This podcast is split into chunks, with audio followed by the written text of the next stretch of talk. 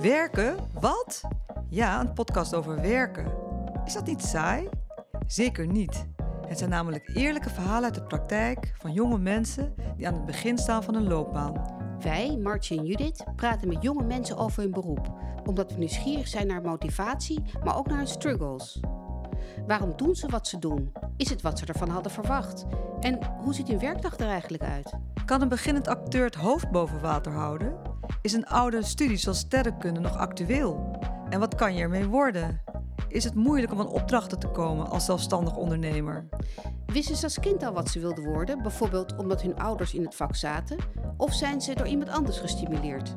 Hoe word je je baan en welke eigenschappen heb je eigenlijk nodig om succesvol te zijn in wat je doet? We zijn gestart met de acteur, Suzanne Radder. En zij heeft het volgende beroep gekozen. Een doorgeefpodcast dus, van jonge mensen die meer willen weten over andere beroepen. Aflevering 8. Iris, docent art- en kunstgeschiedenis en leerlingcoördinator 345 HAVO op een middelbare school. Eigenlijk hoefde ik niet lang na te denken over onze volgende gast. Want mijn oudste twee kinderen hadden één favoriete leraar op school en dat was Iris. En zij gaf art.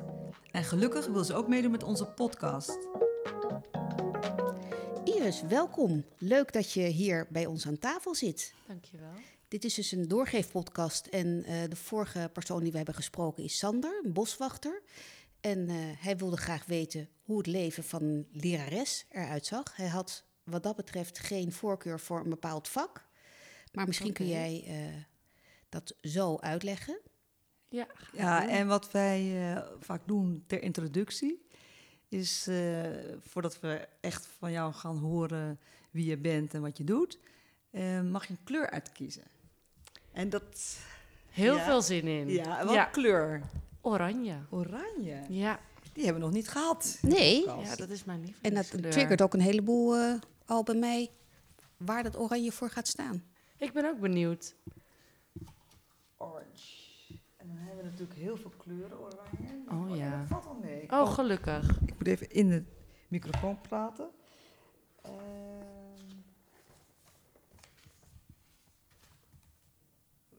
welke kleur? Hmm, Ik ga denk ik toch voor de yellow red. Voor de intense oranje. Intens oranje. Oké, dan ga ik eens even kijken. Ondertussen kunnen jullie gewoon wel iets doorpraten, want ik moet even opzoeken. Het is het Engels namelijk. En eh, ik, eh, Er staat nogal wat. er staat nogal wat. Ja, ik ben ook benieuwd naar jouw eerste associatie met oranje. Want je kiest heel duidelijk oranje. Ja, ehm, ik denk energie. Nou, ik heb het gevonden en dat klopt. Yes. Yes, oké. het, is, eh, het is het Engels, het is eh, ehm, energizing. Het is hopeful.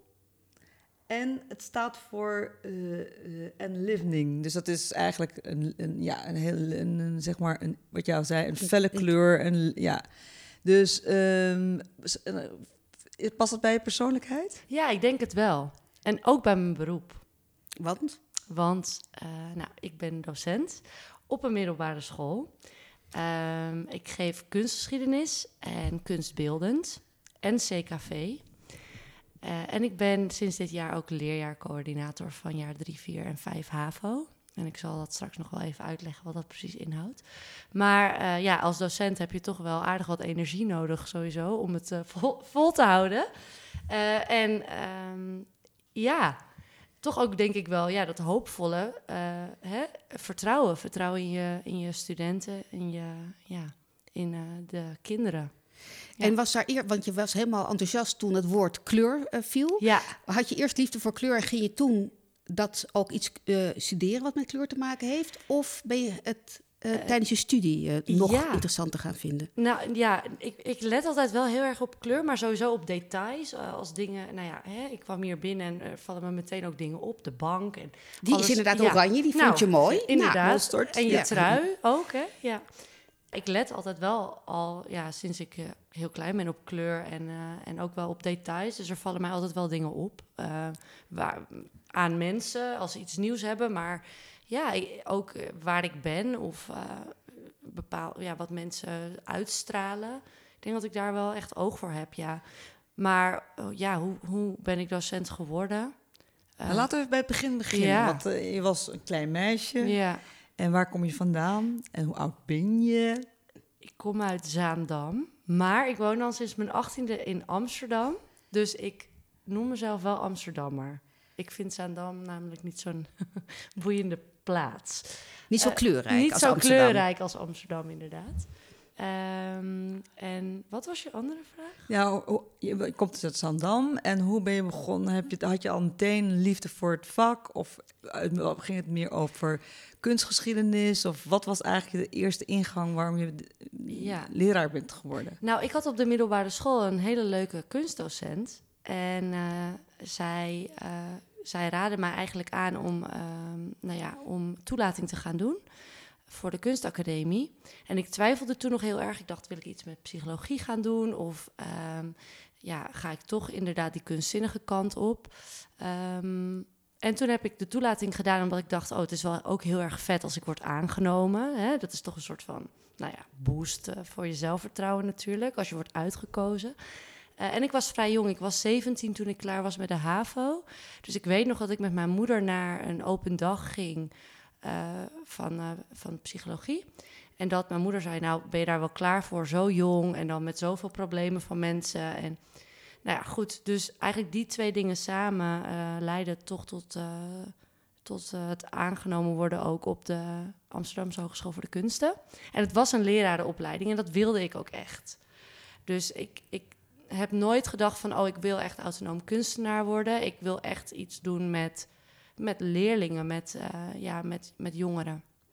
En wat, eh, wat was dat? Eh, die drive om iets met die jongeren te doen, had je dat al vanaf jongs af aan dat je dat wilde?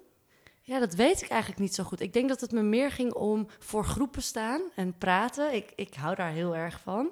En mensen meenemen in een verhaal of in, in de spotlight staan. En ja, daar denk je misschien niet meteen als eerste aan bij een docent. Maar ja, voor mij was dat toch zo een soort publiek. Terwijl je vertelt over eh, je vak. En in dit geval eh, dus kunstgeschiedenis en... eh, En was je al als Ja. kind vroeg in aanraking gekomen met kunst? Ja, ik kom, mijn opa en oma, eh, die namen ons vaak mee, of de kleinkinderen vaak mee op vakantie. En dan gingen we altijd schilderen. Ehm, ze hadden een, een schuur. Ze woonden heel landelijk, dus ze hadden een schuur eh, bij hun huis. En daar hadden ze ook ehm, klei voor ons staan, dus daar konden we dan boetseren. Dus wij deden heel veel eh, kunstzinnige dingen. En ik zat vroeger ook op Artis Atelier. Eh, mijn ouders eh, namen me daar dan eh, elke week mee naartoe. Dus ja, dat, zij stimuleerde dat ook wel echt. En naar musea natuurlijk. Op een gegeven moment wilde ik dat niet meer. Toen zat ik in de puberteit, dacht ik, oh, moet dit? Maar ik denk wel dat dat de basis gelegd heeft. Ja. Ja. En je vertelde dat je blij was dat je was aangenomen. Dus kennelijk moest je een toelatingstest doen. ja. En waar ging die toelatingstest over? Nou, je moest beeldend werk eh, laten zien. Dus eh, ehm, ik weet nog dat ik ook eh, heel veel voorwerk zelf moest doen. Ook op de middelbare school. Daar hielp mijn kunstdocent me dan ook bij. En wat diverse stijlen laten zien. Ehm, en ik heb met mijn oma nog wat portretten geschilderd, bijvoorbeeld. Dat zijn nu hele leuke herinneringen Ja. natuurlijk. En dat ging dan in een grote map. En ik weet nog dat ik daarheen ging en dat ik... Nou ja, er zat echt een soort jury, zoals dat ook bij van die talentenjachten zit. En die gingen door mijn werk heen. En ehm, ik, ze stelden me wat vragen. En ik weet dat een van de docenten zei... die had een leren broek aan, een zwarte leren broek... en lang verwilderd haar. En hij zat me de hele tijd zo nors aan te kijken. En toen zei hij... Nou, je bent wel binnen, denk ik. En toen dacht ik... Echt? Huh? Weet, ik hoor toch de uitslag pas over een week of twee weken te krijgen. Dus toen was ik wel heel erg gevleid. Ja. En dat heeft er toch eh, voor gezorgd dat ik koos voor deze opleiding. Ja. Dat snap ik. En is er nog een andere manier om eh art-docent te worden? Ehm, ja. Nou, Vroeger nee, in mijn tijd in- was, het- ging het eigenlijk over de, op een lerarenopleiding kon je allerlei vakken doen, maar ook ehm, in het, ja, dat was dan eigenlijk, hoe heette dat eigenlijk? Jut? Ehm, Was dat de Witte Lelie toevallig? Ja, klopt. Ja, nou, dit, dit was eigenlijk de Witte Lelie, De maar dan was dit de docentenopleiding. Ja. Nee, volgens mij is in Amsterdam dat de enige die dat eh, aanbiedt. Ja, en je kan vast cursussen doen. Ehm, of hè, als je bijvoorbeeld op de UvA kunstgeschiedenis hebt gestudeerd, kan je daaraan eh, nog een eh docentopleiding plakken. Maar dit was wel echt meteen vanaf jaar één stage lopen en eh, op, op, ja, op een school.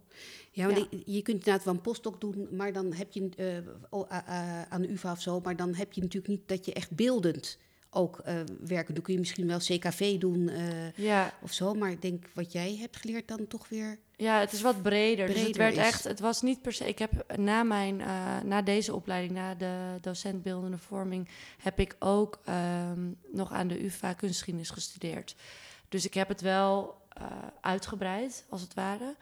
Want ik vond dat theoriestukje te, te mager. Ja, dat lijkt me ook, want het- de opleiding is waarschijnlijk vier jaar. Ja, klopt. En dan heb je en de praktijkvakken, hè, dus alle kunstzinnige dingen die je moet eh, beheersen, of tenminste in ieder geval moet kunnen overbrengen. En dan ten- daarnaast ook de theorie. En, Ja. en de pedagogische skills. Ik neem aan dat je ook een soort pedagogiek Ja, hebt gehad. Ja, echt dat, eh, nou ja, hè, het stukje docentschap, eh, dat, dat is natuurlijk uiteindelijk, eh, nou ja, wel heel belangrijk. Ja, dat zie je nu ook veel hè, in, met instromers, zij-instromers, dat die dat toch een beetje missen, die stageervaring. En waar begin ik nou eigenlijk echt aan?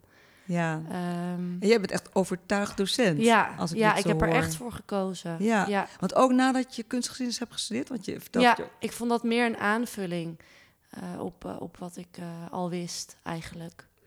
En zou je ook dan zeggen dat, als advies aan mensen die, die jouw opleiding hebben gedaan aan de eh, eh, Amsterdam Hogeschool voor de Kunsten of eh, Utrecht of weet ik veel waar, om nog je te verdiepen? Of is dat meer uit persoonlijk interesse? Ehm, nou ja, het hangt er vanaf wat je wil. Als je beeldende vorming wil geven, dan is de opleiding op zich voldoende. Maar voor theorie zou ik dat wel aanraden, ja. Ja. Ja, omdat je toch dan veel meer ja, achtergronden weet. En toen was je klaar en Ja. dan ging je meteen het vak eh, uitoefenen. ja, ik ben eerst nog gaan reizen in Zuid-Amerika. Ik dacht, nu heb ik alles gehad en eh, hè, ik, ik ga er nu echt op, op uit. Eh, dus dat heb ik drie maanden gedaan. En daarna ben ik inderdaad meteen aangenomen op, eh, op eh, een school in Amsterdam. Heel even nog over dat reizen. Als je reist, ben je dan gewoon een, een, een, een reiziger die zich van de ene plek naar de andere plek laat gaan en eh, lekker eet en, en, en dat soort dingen doet? Of word je ook geïnspireerd door dingen die je ziet of kleuren of ja, geuren? nee, zeker ook wel geïnspireerd. Ja, en eh, ja, ik maakte ook tekeningen ook op reis en, eh, en schreef verhalen, dat soort dingen. Ja. Ja. dus ook de musea natuurlijk in het buitenland of de plekken waar je komt. Hè. Ik ging toen naar de Machu Picchu bijvoorbeeld, dat soort dingen. Ja, dat is natuurlijk ontzettend ja, inspirerend ook. Ja, Nee, dat begrijp ik. ja. En je eerste school, vertel daar eens iets over. Ja, noemen we namen in de Ja hoor, podcast? dat mag, Oké. ja. Nou, eh, op het Berlage eh, heb ik gewerkt, eh, acht jaar lang. Een In- MAVO, HAVO, VWO-school in Amsterdam. Eh, heel mooi gebouw. Eh, eigenlijk twee gebouwen. Eh, Amsterdamse school ook, hè. Ja. Ehm, Want toen was je dus ook nog vrij jong. ja, heel jong. Ja, ja. En toen eh, zat ik natuurlijk eh, bij jouw zonen eh, Ja. op school. Die gaf ik les, allebei ook. Eh, ja, heel jong, ja. Dus ehm, dat was best, eh, mijn eerste jaar was best intens daardoor. Want gaf je ook oudere leerlingen... Ja, Ja, dus Ja. dan scheelde je vaak maar een paar jaar. ja ik was eh, 21 toen ik begon. Dat was voor je kunstgeschiedenis studeerde. nee, daar was ik toen al mee klaar. Eh of wacht, ik moet even terugrekenen. Ik zeg het 22? Nee, ik was 22. Ja, nee, ja die kunstgeschiedenis heb ik eh, versneld kunnen doen.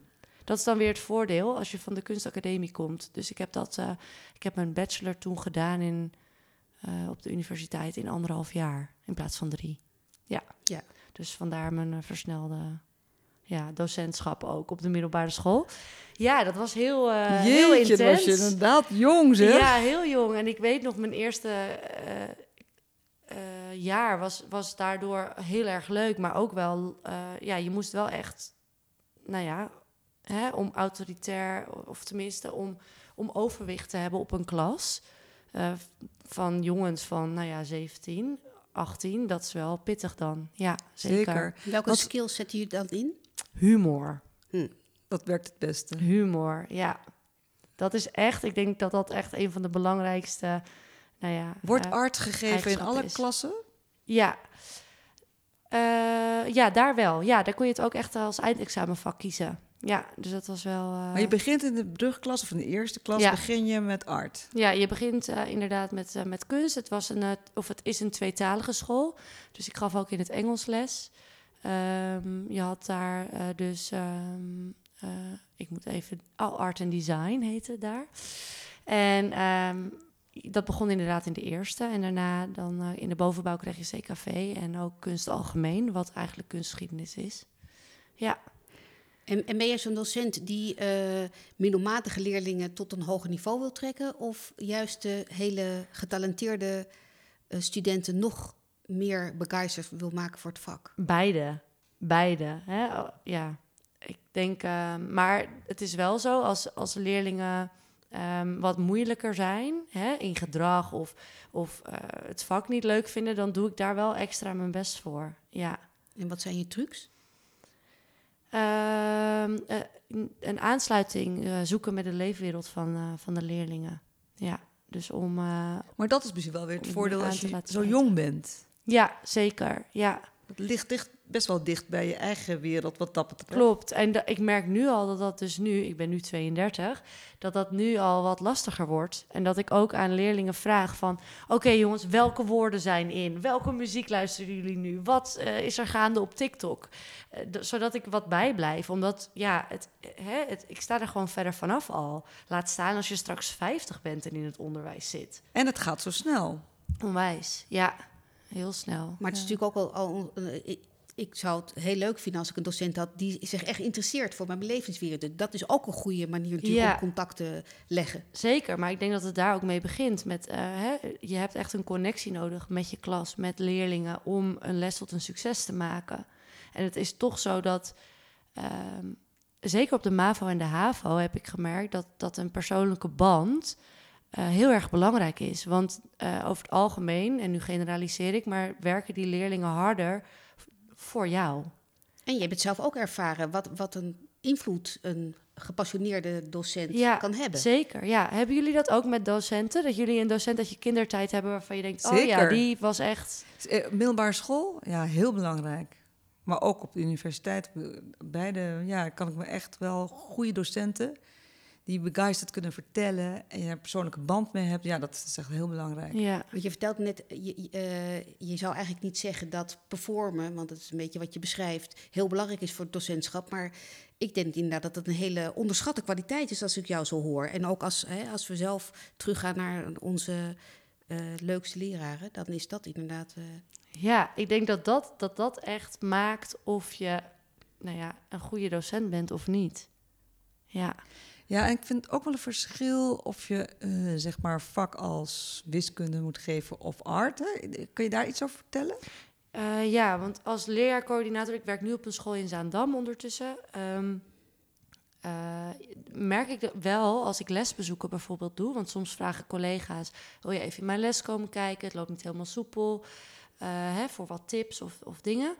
Ehm, en dan, dan zie ik wel dat ja, een vak zoals wiskunde, hè, er zijn natuurlijk misschien nou ja, gemiddeld drie kinderen in de klas die dat dan heel erg leuk vinden. In de bovenbouw dan meer, want dan kies je natuurlijk een profiel wat bij je past. Uh, maar zeker in de onderbouw, dan is het lastig om die kinderen erbij te houden. En mijn vak, als creatief vak, heb ik natuurlijk het voordeel dat er iets meer ruimte is voor nou ja, wie, zo, wie zo'n kind zelf is. En uiting geven aan wie jij bent. En ja, hè, je, mag, je mag met elkaar uh, kletsen uh, na de uitleg. Je mag lopen. Je hebt veel meer uh, speelruimte eigenlijk. En zeker als ja, jonge, jonge puber is dat heel erg fijn. En voor jongens al helemaal. Dus um, ja, ik merk wel dat ik heb wel respect voor mijn, voor mijn collega's die uh, de exacte vakken of de talen geven, bijvoorbeeld. Want daar heb je nog extra die skill nodig om, om uh, ja, leerlingen mee te nemen. Om te motiveren. Verhaal en te motiveren, zeker. Ja. Ja, dat vind ik wel interessant wat je vertelt meteen over het contact met de leerlingen. Maar uh, als je als 22-jarige start op een school, dan heb je natuurlijk ook te maken met je collega's. En die zijn wat ouder. En dan ben je opeens, zit je in een lerarenkamer. Hoe was die ervaring? Ja, um, eigenlijk wel heel fijn. Want eh, je wordt ook heel erg, of tenminste, dat, dat is wat ik zie, wat ik om me heen heb gezien. Dat je ook als jonge docent wel wordt opgenomen. En uh, nou ja, de, de oude rotten in het vak, uh, die hebben echt wel tips als je daarvoor open staat. Of die zijn ja, heel betrokken. Ja, dus ik weet, ik vond het wel spannend. Ik dacht wel, oh, ik ben hè, nieuw en heel jong en hoe zal het gaan? Maar uh, ja, je, je zit allemaal in hetzelfde schuitje en, uh, en je deelt die pauzes met elkaar en je hebt het over de leerlingen. En uh, ja, dat schept ook echt wel een band. Snap ik. Ja. En, en jij hebt ook meegekeken in het begin met andere docenten, zoals als, als jij nu meekijkt met je collega's in Zandam? Uh, ik heb wel lesbezoeken gehad, want ze willen natuurlijk weten hoe je het doet. Mm -hmm. uh, docentschap is wat dat betreft, je bent wel, ja, je, je vaart alleen, hè? Je, je, je doet de deur dicht en niemand ziet wat er in je klas gebeurt. Dus er zijn altijd wel lesbezoeken uh, verplicht, van je leidinggevende bijvoorbeeld. Um, ja, en, en dan kijken ze hoe je het doet, hè? hoe bouw je je Wie les is je leidinggevende op een school? Um, het is uh, zo verdeeld bij, bij ons op school dat, dat nou ja, je hebt een uh, afdelingsleider. Dus je valt onder een bepaalde afdeling, HAVO, VWO of MAVO. En dan, uh, ja, die, die is eigenlijk jouw baas. Dus die kijkt hoe het gaat, die doet jouw functioneringsgesprek, dat soort dingen. Ja. En die, ja, die, die, die monitort hoe het gaat. En je kan ook natuurlijk zelf even binnenlopen. Het is niet super hiërarchisch, een uh, middelbare school over het algemeen.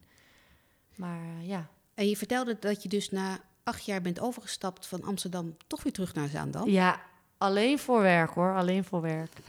Uh, ja, ik, ik kreeg daar een mooi aanbod en ik wilde meer theorie gaan geven. En dat kon niet op, op, mijn, ja, op het Berlage op dat moment. Dus toen heb ik de overstap gemaakt. Maar op het Berlage heb ik echt leren lesgeven. Dat was echt uh, een hele goede leerschool door al die verschillende niveaus, culturen. Uh, ja, het was een vuurdoop, maar um, ik zal die leerlingen ook nooit vergeten. Nee, en het is echt een groot verschil tussen Zaandam-leerlingen en Amsterdam-leerlingen, denk ik, qua diversiteit. Nou, ik, ik werk nu ook wel op een heel diverse school in Zaandam, in, in Poelenburg. Dus dat is ook wel een, echt een heel gemixte wijk. Uh, daar kies ik ook wel echt bewust voor. Ik vind dat belangrijk, dat een school een afspiegeling is van de maatschappij. Het was niet je eigen middelbare school van nee, vroeger? Nee, nee, nee. nee. Um, en um, ja, ik, ik, wat wel zo is, is dat de leerlingen in Amsterdam gebekter zijn. En dat die grootstedelijke problematiek, uh, bijvoorbeeld de straatcultuur, uh, wel groter is die, uh, in Amsterdam dan Terwijl in Zaandam. eigenlijk maar een kwartiertje verder ja, is. het is heel bizar, maar het is echt zo. En nu pas beginnen we op mijn huidige school... Um, beginnen we dat ook te merken, die straatcultuur. Dus ja, hoe, hoe uitzicht dat? Capuchons op in school, straattaal, uh, wat stoerder gedrag. Uh, hè, maar heeft dat consequenties voor uh, ze als leerling? Mm, ja, ik, ik weet dat niet. Voor leerlingen misschien niet, maar ik weet dat mijn oude, oudere collega's er wel moeite mee hebben. Omdat uh, uh, die, dat type leerling wat meer moeite heeft met gezag. En, en, en wat je nu beschrijft, uh, een, een, docent kan ook positieve invloed hebben op dit soort gedrag en, enzovoort. Is dat ook een reden voor jou geweest om voor het onderwijs te kiezen? Of is het sec geweest dat je iets van kunst en kunstgeschiedenis wilde overbrengen? Um, ik denk toch het laatste, maar dat gedurende, nou ja, dat, hè, toen ik echt docent werd, zag ik die problematiek en, en boeide dat me ook onwijs. Ja, het is wel heel interessant. Je, je moet met heel veel verschillende mensen om kunnen gaan als docent. En met heel veel verschillende achtergronden. En uh, ja, dat is wel echt. Uh, ja, je vertelde iets over humor. Humor stop je erin. En werkt dat ook bij, ja, bij jongens? Ik kan me voorstellen dat bij, werkt. En bij meisjes heb je da daar ook nog een ja, nee, ze zeker wel. Ja, ik heb wel. Ja, wat, wat is mijn humor? Um, ja, ik denk als ouders dus mee zouden luisteren in mijn les, dat ze echt gechoqueerd zouden zijn. Ja, nou, wat ze. Ik kan nu even niet zo'n goede grap in één keer bedenken die ik maak. Maar bijvoorbeeld als ik een capuchon opzie bij een leerling, dan zeg ik van hé, hey, uh, pas op, hè, want ik knip hem af. Nee, ik doe het hoor. En dan pak ik bijvoorbeeld een schaar en dan zoiets. Ja. En dan uh, is de hele klas in rep en roer, maar dat, nou, dat soort dingen. Of ehm, zeker, nou ja, ik word nu ouder, maar toen ik jonger was van... Uh, juf, gaat u mee op date? Ik neem u mee naar een museum, want daar houdt u toch van, dat soort dingen. En dan zeg je van, oh, jij bent veel te jong voor mij. En ik zoek een hele rijke vent, dus daar voldoe je niet aan. Dat soort dingen. Nou, dat is gewoon heel, ja, heel leuk. Want ja, dan heb je ook wat meer die connectie. Of ja, ik moet soms ook heel hard om hun grappen lachen. En, en misschien zit het ook wel in, in je opdrachten? Dat, Mm. daar, eh, dat je connectie, eh, connectie zoekt met welke opdracht je voor ze bedenkt? Ja, nou met, die, met opdrachten, daar heb ik wel een voorbeeld van. Eh, ik moest het bijvoorbeeld over Rubens hebben. En die Rubens-vrouw, hè, de, wat, de wat vollere vrouwen in de, in de kunstgeschiedenis. Zo werden ze afgebeeld. Zo, wa- zo was het ook in die tijd. Het was gewoon mode. Hè? Volle billen, borsten, alles. Ehm, en, maar ja, om daarover te beginnen, dat boeit niet heel erg. Nou zijn ze wel naakt. Dus dat boeit pubers over het algemeen wel.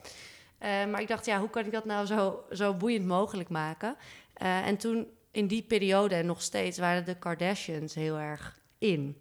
En die vergroten natuurlijk hun borsten, hun billen, hun lippen, alles. En die twee, dus de populaire cultuur eigenlijk van de leerling...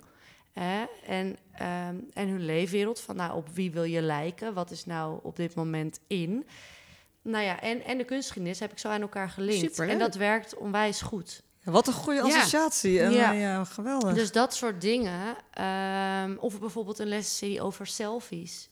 Er was natuurlijk een moment dat de selfie, dat was toen eh, het woord van het jaar. En nou ja, dat, dat bestond niet in, in mijn tijd, in jullie tijd. Ehm, dus daar ook, hè, waar begon de eerste selfie? Nou, in de, in de kunstgeschiedenis, de eerste, het eerste zelfportret als foto. En, en, en, en nou ja, mensen die overlijden door domme selfies te maken op een toren... of voor de mond van een haai of weet ik veel wat. Zo, ja, Rembrandt heeft de meeste zelfportretten gemaakt, volgens mij. Precies. Rembrandt er ook bij Ja. betrekken. Dus zo'n hele lessenserie krijgt eigenlijk vorm door de leefwereld van de leerling, maar en de populaire cultuur, maar ook de, de kunstgeschiedenis te betrekken. Ja, als je dat kunt. En je, Ja. kennelijk is het een gave van jou, eh, Ja. waardoor je dit... dit eh, Ja, maar ik vind dat ook heel erg leuk. Van hoe zorg ik nou dat ze geboeid naar mij zitten te luisteren? Ik erger me er ook heel erg aan als ik, als ik leerlingen in mijn les heel erg slaperig zie kijken. Ja, dat, dat vind ik dan Wat doe je daar dan aan? ja. Het benoemen. Ja, nee, het benoemen, maar ook ik doe wel dan extra mijn best om, om weer even eh, iets leuks erin te gooien. En, en afwisseling is belangrijk. Dus een filmpje. eh, en, hè, nooit langer praten dan 10 minuten. Want nou ja, wij kunnen dat als volwassenen al amper aan, laat staan een, een puber. Dus het kort, krachtig, eh, veel afwisseling. nou ja, en, en dus wat ik net benoemde, die aansluiting maken. En je, je, je praat heel bevlogen over je vak.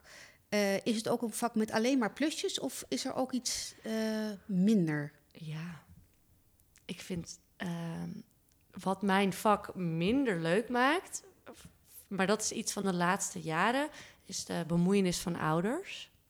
Is dat voor de laatste jaren zo? Nou, Maar ik dat, vind denk dat je wel dat het berlaag ook had, of niet? Of had je dat op de Nee, berlaag minder? Ik, ik merk dat dat toeneemt. Ik weet niet waarom dat zo is, maar ik, ik heb ooit een artikel gelezen over curlingouders. Van die ouders die overal hè, de moeilijkheden en problemen weg willen nemen. Of die dan niet accepteren dat hun kind straf heeft gehad. Of eh, na moet blijven of dat soort dingen. Eh, dat bemoeilijkt eh, mijn werk. En heb je daar al een, eh, is humor daar ook een oplossing voor? Eh, humor met ouders. Ja, nee, eh, ja, zeker wel. En vaak als je het contact dan ook zoekt, ehm, dan, dan wordt het allemaal wel begrepen. Maar je moet je veel meer verantwoorden als docent. Ehm, en dat vind ik wel vermoeiend eraan. En gaat het dan alleen maar binnen die 10 minuten gesprekken? Of is dat ook Nee, daarbuiten? dat, dat is al met mails of ehm, ja, eh, dat je echt ter verantwoording geroepen wordt. Dat zie ik ook veel bij collega's. Hè? Als er onvoldoendes worden gehaald van ja, maar mijn dochter zegt dat. Of, en dan denk ik, jeetje, hoor en wederhoor eh, mensen. Wat, eh, wat is dit? En moet je daarop reageren als docent? Eh, ja, want de band met ouders is wel heel erg belangrijk. Want je doet het eigenlijk samen. En dat is ook heel belangrijk, dat ouders zich dat beseffen. Ehm, eh, ja, hè, je, je kind is zo vaak op school gedurende een week. Eigenlijk ben je ook als docent toch een stukje ook opvoeder. En om, om een samenwerking te hebben met de ouders en om hè, het uitgangspunt is dat wij willen dat je kind slaagt en dat het goed gaat met je kind op school. Uh, nou ja, voor, ouders geldt eigenlijk hetzelfde. Dus ik snap dat nooit zo goed. Dat er dan getwijfeld wordt aan de intentie van een docent. En, en je zegt het is een, een pad wat je samenloopt. Soms heb ik ook wel eens het idee dat ouders verwachten dat uh, docenten nog meer doen. Of is dat niet jouw ervaring? Uh, nog meer doen dan wat? Uh, in het opvoeden van hun kind. In het brengen ja, van normen en waarden. Nou en, ja, dat zeker. Um, ja, dat denk ik soms ook wel. Ja. Maar kan het ook, dat kan je ook leuk vinden? Of? Ja, ik vind het wel leuk. Ik, ja, ik vind het wel heel erg leuk. Ik, ik hou ook echt van mijn leerlingen. Dat, ja, dat klinkt heel gek, maar dat is echt zo. Um, dus ja, hè, dat stukje aandacht als er iets is, of uh, dat ze bij me binnen kunnen lopen voor advies of dat soort dingen, dat maakt mijn werk nog, nog rijker eigenlijk. Um, nou, ik snap het wel vanuit de kinderen dat ze het doen, maar ik vind het, het verbaast me dat je zegt dat ouders om ieder wist wat je dan kunnen mailen en dat je daar dan ook op moet gaan reageren. Ja. Ik, dat nou, fijn dat je dat niet snapt. Dat betekent dat je dat nooit hebt gedaan. nee, maar, nee, maar ik bedoel, ik, ik, ik, maar, nee, maar wat ik dan vooral niet snap, is dat je dan eigenlijk als leerkracht of als leraar verplicht bent om te antwoorden. Ja. Terwijl er zijn, daar zijn die tien minuten gesprekken voor. En daar, ja. daar zijn allerlei. Um, ik zou dat als ik, als ik zeg maar jouw baas zou zijn, zou ik, zou ik, zou ik dat proberen om dat uh, zeg maar uh, te stroomlijnen. Mm. Ja. ja, nee, goed punt. Maar ik denk door alle technologie en hè, alle mogelijkheden om in contact te staan met elkaar, dat dat uh, makkelijker is. En een mail is makkelijker dan face-to-face -face, natuurlijk. Ja, nee, dat, dat, dat snap ik. Ja. En, en nog iets anders. Um, uh, lesgeven en verantwoordelijkheid hebben, voor, uh, dat, dat is natuurlijk één. Mm -hmm. Maar um, buitenschoolse activiteiten, hoe sta je daar tegenover? Ja, ik vind het wel heel erg belangrijk. Uh, het, is ook, het heeft ook wel heel veel. Nou, het, kost energie natuurlijk. Je doet het buiten je normale werkdag. Um, dus dat, daar kijk ik niet altijd naar uit. Maar bijvoorbeeld een, uh, een werkweek, hè, dat zorgt wel weer voor een uh, verdieping van de band. En die heb je wel weer nodig voor de rest van het jaar. Want je leert elkaar op een heel andere manier kennen. Um, en dat is ook wel weer heel erg leuk. En dan hebben we het zeg maar werkweek in het buitenland? Ja, in het buitenland. Waar dan, of, waar dan ook. Hè? Ja. Als je met elkaar weggaat, dan is er ook... Ja, dat is toch een andere sfeer. Ja, en ook, en, ook natuurlijk met je collega's. En ook met collega's, ja. Dus het, het, he, vaak is het, ga ik met frisse tegenzin toch wel... Uh, stap ik de bus in. Maar het is... Als je eenmaal daar bent, wel heel erg waardevol en leuk. En ja, je ziet die kinderen gewoon uh, bij het ontbijt. En je, je bent de hele dag samen. Dus ja, je, je verdiept de band. Ja. Uh, heb je veel jonge collega's? Um, ja, op zich wel. Maar het leraartekort merk je wel. Ja. En heb je daar een verklaring voor? Uh, ja, toch wel het salaris, denk ik. Als ik kijk naar uh, mijn, mijn vriendinnen, mijn vrienden... Um, die verdienen wel meer dan ik. Ik verdien zeker niet slecht. Um, maar niet uh, in vergelijking tot wat zij verdienen in de corporate uh, wereld. En wat jij moet doen ook. Hè? En wat, ja, en wat ik wil doen, want docentschap stopt niet in de klas. Hè? Je, je neemt je werk mee naar huis. Je hebt heel veel voorbereiding uh, voor lessen, vergaderingen. Nou ja, wat jullie al zeggen, buitenschoolse activiteiten. Dus dat staat inderdaad niet in verhouding. Natuurlijk zou je meer willen verdienen. Uh, maar is dat, zou dat voor jou een reden kunnen zijn om op een gegeven moment ook een ander vak te gaan doen? Uh, nou ja, maar ook denk ik leeftijd toch. Ik vraag me af of ik, of nou ja, misschien toch uh, naar het HBO of de universiteit. Ik vraag me af of ik die, die connectie kan behouden met, met de pubers. Hè? En dan staat de vraag leven. anders. Heb je oude collega's die dat wel kunnen? Ehm, ja, die heb ik wel. Maar als ik eerlijk ben, niet heel veel, denk ik. Ik heb wel uh, oudere collega's ook die heel erg uh, bevlogen zijn in, in, in vertellen en in hun vak. Dus dat maakt het dan wel interessant voor de leerlingen. Maar of ze echt nog de connectie voelen met de doelgroep, dat betwijfel ik. Is dat voor jouw vak misschien belangrijker dan voor uh, talen of voor Nou, dat denk Ander ik toch vakken? niet. Dat denk ik toch niet. Want als je ook kijkt naar Nederlands, hè, eh, het, eh, nou ja, lezen, eh, schrijven, dat zijn grote problemen op dit moment. Eh, ja, leerlingen doen het bijna niet meer. Ehm, en hoe maak je het dan boeiend? En daarvoor moet je toch ja, een aansluiting vinden met, met wie zij zijn.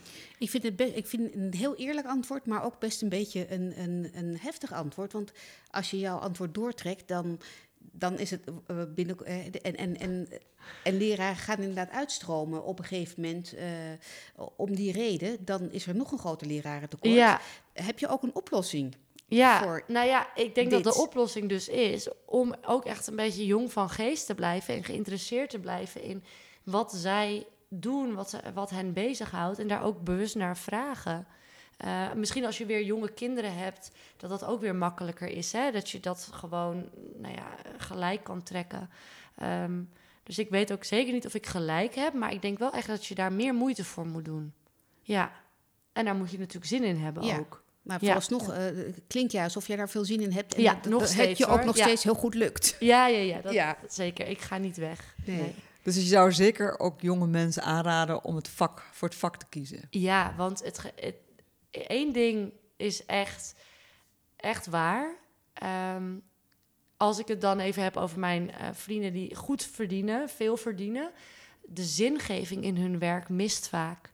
En daar komen ze nu, in hun dertiger jaren, komen ze daarachter. En sinds corona natuurlijk. Hè? Toen- En sinds corona. Ja, dat is mijn eigen invulling. ja, ja, ook. Ja, zeker. En die zingeving heb ik altijd. Ja, dat is En mijn fijn. collega's ook. En Ja. Kan je met je salaris wel in Amsterdam blijven wonen? Ehm, met de huidige hu- ja, huurprijzen eigenlijk niet. En dat is wel echt een groot probleem. Want eh, er komen wel weer volgens mij wat projecten aan, speciaal voor dan docenten. Maar dat zijn dan studio's van 30 vierkante meter. Ja, sorry, ik ben 32. Daar doe je me niet heel veel plezier mee. Hè? Ik wil niet verwend overkomen, maar Nee, maar ik vind het wel een, een oproep aan de gemeente bijvoorbeeld... Ja. om te zeggen van, eh, wil je leerkrachten houden... ja, eh, jonge is leerkrachten houden, zo- woonruimte. Misschien wel moet dat gekoppeld worden aan leraarschap. Zeker, en dat gebeurt al wel. Eh, ik heb wel vriendinnen die docent zijn, die ook echt in, in eh, appartementen wonen, die speciaal voor politie, verpleegkundigen en docenten zijn. Maar het is nog wel echt te weinig. Ehm, en ja, ik denk ook, eh, ja, qua. Je wordt toch, als ik daar binnenkom, denk ik toch, oh, je bent toch een beetje weggestopt. Ik heb nu heel veel mazzel met via via een, een mooi appartement huren. Maar ja, het is, het is wel lastig om een goede woonruimte te vinden, überhaupt natuurlijk. Maar ja, ook eh, voor docenten. Nou, dan vind Zeker. ik het des te Ja, beter voor je oproep. ge- oproep. En dat, Ja. dat je ook volhoudt en dat je het eh, blijft doen. Ja. Vooralsnog. Ja, zeker. Nou, ik weet wel voldoende nu hoe jouw, eh, wat het leraarschap inhoudt. Ik weet niet, heb jij nog iets aan toe te voegen? Wil jij nog iets aan toevoegen?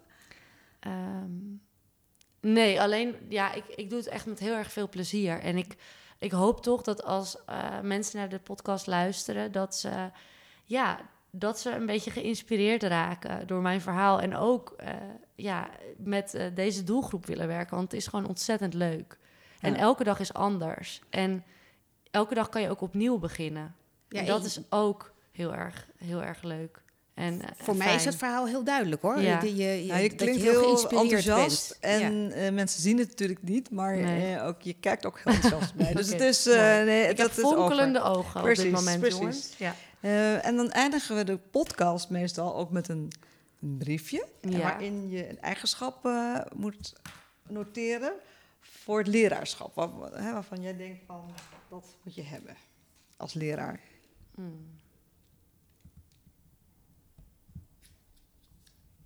Oké, ik heb het opgeschreven. Nou, snel hoor. Ik ook. Laat maar zien. Oh nee, laat maar horen. Eh, ik heb opgeschreven charisma. Ah, mooi. Ja. Ja. Dat is eigenlijk dat charisma ook wat je op, op, de, op eh, het podium nodig hebt. ja, precies. Ja. Dus je, je moet eh, wel echt wat uitstralen Ja. voor de klas. Een collega van mij zei ooit, toen ik net begon... Iris, jij bent de Bokito op de apenrots. En dat, ben ik, dat is me altijd bijgebleven.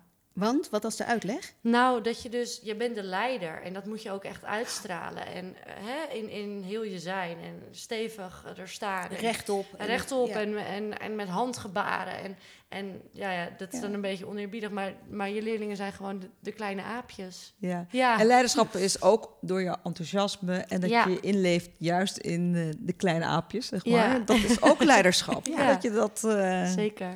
Ja. want dat heb ik namelijk. Ik heb inlevingsvermogen. Dat, Ja. is ook, dat denk ik dat dat, dat het maakt dat jij een goede leider bent op die rots.